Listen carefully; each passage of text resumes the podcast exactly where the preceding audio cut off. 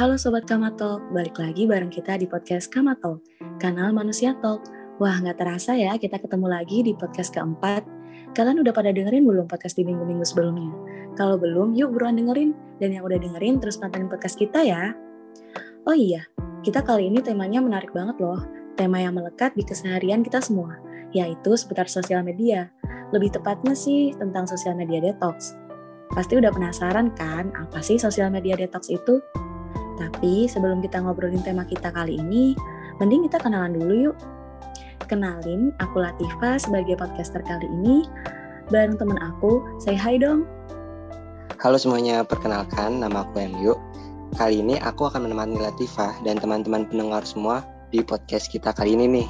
By the way, nggak kerasa ya, udah setahun lebih nih kita hidup berdampingan dengan namanya virus corona yang mengharuskan kita untuk beradaptasi bahkan mengubah keseharian kita yang sebelumnya dilakukan secara langsung diganti dengan kegiatan yang serba online nih.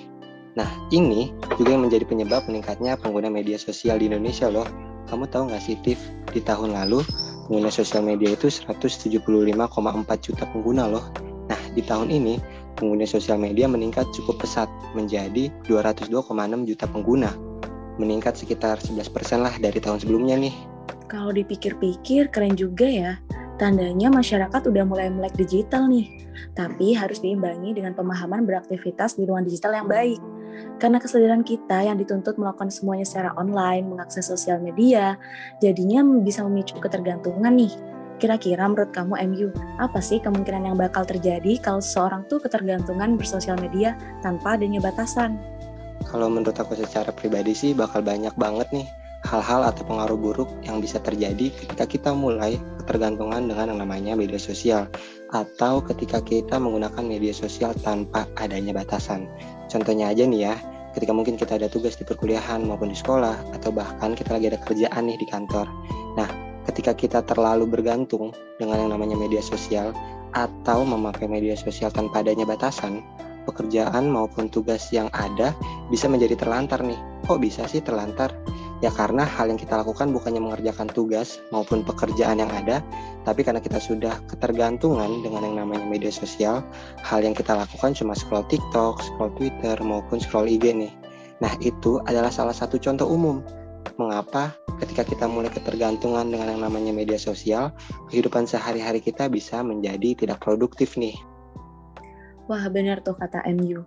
Nah kalau kalian udah ngerasain apa yang disebutin MU tadi, sepertinya kalian harus ngelakuin sosial media detox deh. Kalian udah pada tahu belum sih apa itu sosial media detox? Nih yang pasti tahu, sosial media detox itu gampangnya kayak istirahat dari sosial media. Jadi kita itu membatasi akses penggunaan sosial media, entah itu sementara ataupun permanen.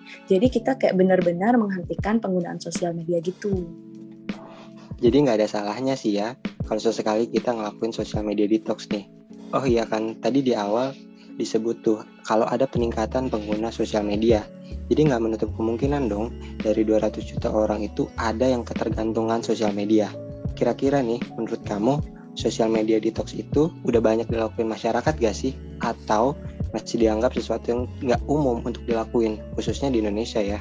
Kalau menurut aku sih orang-orang itu udah banyak ya yang ngelakuin istirahat dari sosial media. Kan itu juga respon dari pikiran mereka. Misal kayak mereka merasa kayak sosial media itu udah gak sehat gitu buat dirinya. Nah, cuman agak asing aja dengan istilah sosial media detox. Atau mungkin beberapa orang itu taunya digital detox. Jadi menurut aku sih fine-fine aja sih kalau orang-orang itu mulai membiasakan diri ngelakuin sosial media detox. Itu kan juga wujud perlindungan kesehatan mental mereka. Gitu sih Andi menurut aku. Bener tuh kata Latifah. Jadi penting ya buat sekali kita ngelakuin yang namanya sosial media detox. Lewat sosial media detox, kita lebih bisa menghargai waktu dengan orang-orang terdekat kita di dunia nyata nih. Atau orang-orang terkasih kita yang ada di dunia nyata. Bahkan lewat sosial media detox, kita bisa mengurangi kelelahan secara mental yang sering kita alami di masa-masa pandemi seperti ini lewat sosial media detox juga membuat kita lebih fokus nih sama diri sendiri, lebih mengenal diri kita sendiri tanpa harus membandingkan apa yang kita punya dengan apa yang orang lain punya ini. Dan masih banyak lagi hal positif atau pengaruh baik yang bisa kita dapatkan ketika kita melakukan sosial media detox. Wah, ternyata sosial media detox bermanfaat banget ya buat kita yang tiap harinya selalu akses sosial media. Kamu tahu nggak, Enyu, dampak kita ngelakuin sosial media detox itu apa? Ternyata itu bisa berdampak positif dan negatif loh. Oh iya, ternyata ada dampak negatif juga ya yang ditimbulkan oleh sosial media detox. Ada dong. Nah, kalau dampak positifnya pasti udah pada tahu kan, kesehatan mental kita lebih terjaga dan juga mencegah adanya gangguan kecemasan. Karena ternyata penggunaan sosial media itu dapat memicu munculnya kondisi yang bernama FOMO atau Fear of Missing Out. Kondisi ini tuh muncul kalau seseorang tuh ngerasa cemas, takut tertinggal sesuatu yang baru atau aktivitas tertentu gitu. Jadi dia nggak bisa lepas dari gadget lebih peduli sosial media daripada real life-nya terus selalu pengen tahu gitu kehidupan orang lain pengen tahu gosip terbaru dan gak tenang deh pokoknya hidupnya kalau nggak akses sosial media setiap saat. Kalau dampak negatifnya itu kita jadi kurang tahu kabar terbaru teman kita, saudara kita, atau mungkin komunikasi yang biasa kita lakukan melalui sosial media itu jadi berkurang. Nanti bakalan kurang update gitu sih. Oh iya Anju, kira-kira ada nggak sih tanda-tanda kapan kita harus ngelakuin sosial media detox? Ada nih, kalau menurut aku secara pribadi nih, ada beberapa indikator umum ketika teman-teman pendengar semua sudah membutuhkan yang namanya sosial media detox. Mungkin ketika teman-teman mulai susah untuk fokus, mulai merasa tidak produktif nih dalam keseharian, mulai cemas dan khawatir secara berlebihan, bahkan ketika teman-teman pendengar semua mulai lelah secara mental. Nah, hal-hal tersebut bisa menjadi indikator bahwasannya teman-teman perlu melakukan sosial media detox untuk memperbaiki hal-hal di atas yang tadi sudah disebutkan. Nah, kalau dari kamu sendiri, Tiff, udah pernah belum sih melakukan yang namanya sosial media detox? Kalau aku sih pernah ya. Wah, pas banget dong udah ada pengalaman orang yang ngelakuin sosial media detox tuh. Nah, itu kamu awalnya gimana sih dalam memutuskan bahwa kamu mau melakukan sosial media detox? Terus ada nggak sih kesulitan di awal-awal ketika kamu melakukan yang namanya sosial media detox? Sama manfaat apa aja nih yang akhirnya kamu rasakan? Nah, pertanyaan yang terakhir nih dari aku, saat kamu lagi istirahat dari sosial media atau sedang melakukan sosial media detox, kegiatan apa aja sih yang kamu lakuin buat ngedistract pikiran kamu dari sosial media kamu nih? Awalnya tuh karena emang aku sendiri sadar kayak lama-kelamaan aku main sosial media tuh isinya cuma ngebandingin diri sendiri sama orang lain ya. Makin insecure, mungkin juga karena aku lagi di fase quarter life crisis juga kali ya. Makanya aku langsung mutusin kayak, wah nggak bisa nih kalau kayak gini terus aku capek lama-lama kalau kayak gini. Dan akhirnya aku mutusin buat membatasi pengguna sosial media. Dan manfaat yang aku rasain tuh jadi aku lebih merasa bebas nggak tertekan nggak terpatok pencapaian orang lain dan lebih fokus buat meningkatkan kualitas diri aku gitu. Kalau kegiatannya sih bebas ya.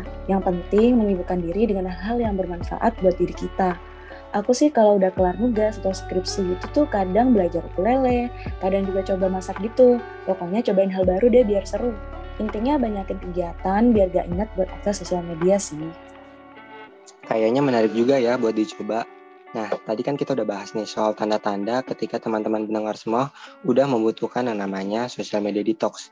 Sekarang aku ada tips-tips simple atau tips and trick bagi teman-teman pendengar semua yang udah kepikiran bahkan mau memulai yang namanya sosial media detox nih. Nah, hal yang paling terpenting adalah konsistensi dan komitmen teman-teman melakukan hal tersebut. Karena tanpa konsistensi dan komitmen teman-teman, nggak bakal bisa bertahan lama nih dalam melakukan sosial media detox. Nah, hal-hal lain yang bisa teman-teman pendengar juga lakukan adalah mengisi waktu kosong dengan hal-hal yang lebih bermanfaat di dunia nyata mungkin teman-teman bisa baca buku atau novel tentang cerita yang disukai nih atau mungkin bisa mencari komunitas dan lingkungan baru di dunia nyata bisa juga isi waktu kosong yang tadinya dipakai buat scroll sosial media dengan berolahraga bahkan melakukan hobi yang teman-teman sukai seperti yang tadi Latifah sempat katakan nih seperti bermain musik, menggambar, menulis ataupun bernyanyi semua hal itu bisa dilakukan untuk membantu teman-teman bertahan ketika melakukan sosial media detox sebenarnya bagus kalau seseorang itu udah mulai melek digital dan mengakses sosial media. Yang terpenting itu adalah tahu batasannya ya. Selain harus bijak di ruang digital, kita juga harus paham nih kondisi kita dalam meresponi aktivitas bersosial media. Kalau kamu rasa mulai ketergantungan atau nggak bisa lepas dari sosial media, mulailah pelan-pelan untuk mengalihkan pandanganmu ke kehidupan nyata bahwa banyak hal yang menarik nih yang bisa kamu lakuin di sana maka kamu akan pelan-pelan juga bisa melakukan yang namanya social media detox secara konsisten. Dan itu juga bakal bermanfaat banget buat kesehatan mental kamu dan menyimbangkan kehidupan nyata dengan kehidupan bersosial media kamu nih. Udah mulai paham kan mengenai sosial media detox? Kesimpulannya tuh, sosial media detox itu di mana kita beristirahat dalam penggunaan sosial media, membatasi akses secara sementara atau benar-benar menghentikan penggunaan sosial media. Nah, saat kamu tuh mulai ngerasa terganggu kayak kurang fokus, kurang produktif karena ketergantungan sosial media, bahkan ngerasa takut dan cemas, nah saat-saat kayak gitu kalian harus mempertimbangkan buat ngelakuin sosial media detox biar lebih fokus ngerjain sesuatu, menghindari perasaan takut dan cemas, nggak terpatok pencapaian orang lain, dan lebih semangat buat meningkatkan kualitas diri. Kalian tahu nggak sih bahkan Michelle Obama pun pernah bilang gini, When it comes to social media, there are just time I turn off the world you know. There are just sometimes you have to give yourself space to be quiet, which means You've got to set those phones down. Intinya, ada kalanya kamu tuh harus memberikan ruang untuk dirimu sendiri. Caranya yaitu dengan meletakkan gadgetmu, fokuslah dan nikmati setiap hal dalam real life kamu. Gimana teman-teman? Michelle Obama yang seorang mantan ibu negara dan seorang publik figur yang pastinya kehidupannya selalu disorot media aja aware dengan kehidupan sosial medianya. Kita jangan mau kalah dong. Wah, Gak kerasa ya ternyata udah kita kupas tuntas semuanya tentang sosial media detox.